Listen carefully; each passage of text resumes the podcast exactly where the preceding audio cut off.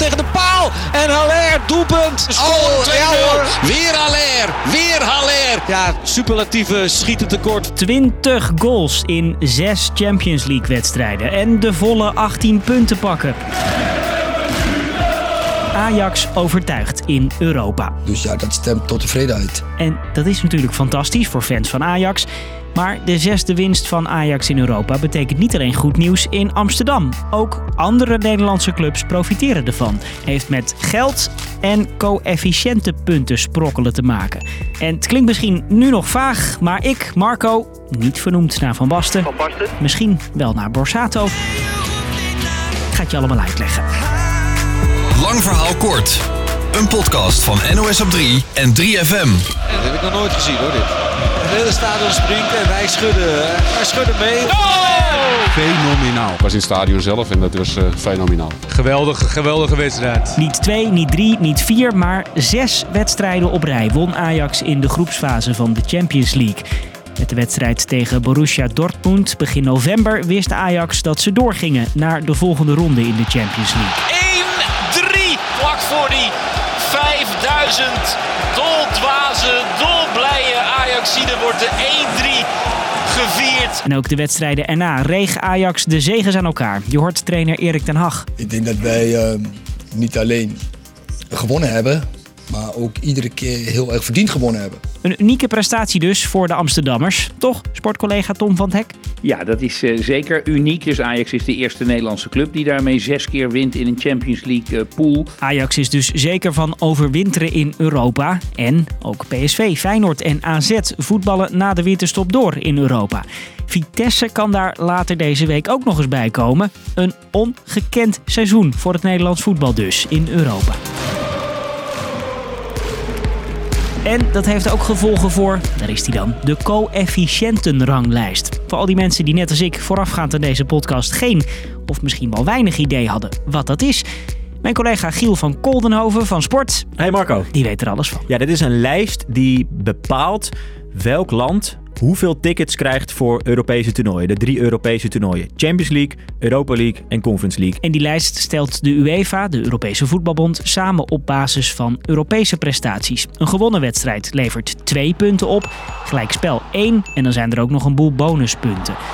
Dat puntenaantal deel je door het aantal clubs dat meedoet uit een land en de afgelopen vijf jaar worden opgeteld. Nederland doet goede zaken. Op dit moment stond Nederland eh, nog zevende. Dat zal Nederland ook volgend seizoen blijven. Maar als je verder in de toekomst gaat kijken, dan is dit seizoen echt ja, uniek. Omdat Nederland nu virtueel op plaats 6 staat. Dus niet meer plaats 7, maar op plaats 6. En dat heeft weer hele mooie gevolgen. Nederland staat nu dus nog zevende en al jaren dromen voetbalfans van een plaats bij de top 6. Dat geeft Nederland namelijk niet recht op één, maar op twee rechtstreekse tickets voor de Champions League. Op dit moment is de kloof tussen Nederland en de nummer 6 Portugal nog heel groot. Maar er komt dus verandering in, vertelt Giel. Die ranglijst wordt eh, gedaan op basis van vijf seizoenen. Maar volgend seizoen, dus na dit seizoen, valt het seizoen 2017-2018 weg. Nou Marco, dat was echt een verschrikkelijk jaar voor het Nederlandse voetbal. Nederland haalde heel weinig van die coëfficiënten. Doordat dat volgend seizoen wegvalt en doordat dit seizoen daarbij komt, een seizoen waarin Nederland dus heel goed doet, stijgt Nederland naar plaats 6 op die virtuele ranglijst. Dus over Portugal heen. Dat we het zo goed doen heeft voor een deel te maken met de nieuwe Europese competitie die sinds dit seizoen is ingevoerd.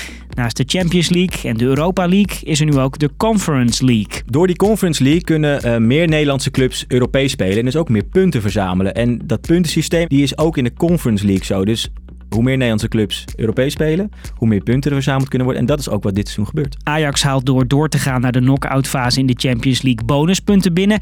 En ze wonnen twee keer van Sporting Lissabon, een, jawel, Portugese club. Weet je nog wie er boven ontstaan in die ranglijst? Extra goed nieuws dus, die zegen van Ajax.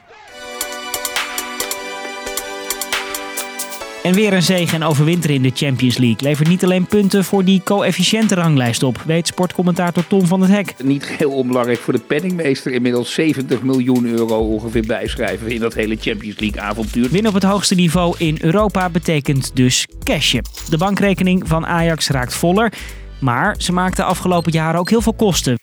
Maar van al die Ajax-miljoenen profiteren de bankrekeningen van andere Nederlandse clubs ook. Weet collega Jitse Bos alles van. Hij volgt Ajax voor de NOS. Ze hebben op een gegeven moment uh, afgesproken dat er een compensatiepot komt. En 5% van het geld dat Ajax heeft verdiend voor de winterstop, dus 5% van die 70 miljoen, dat gaat in die compensatiepot. Op die manier willen ze ervoor zorgen dat de Eredivisie meer aanzien krijgt. Daarnaast gaat 3,75% van de inkomsten uit de knock-out fase ook in dat potje.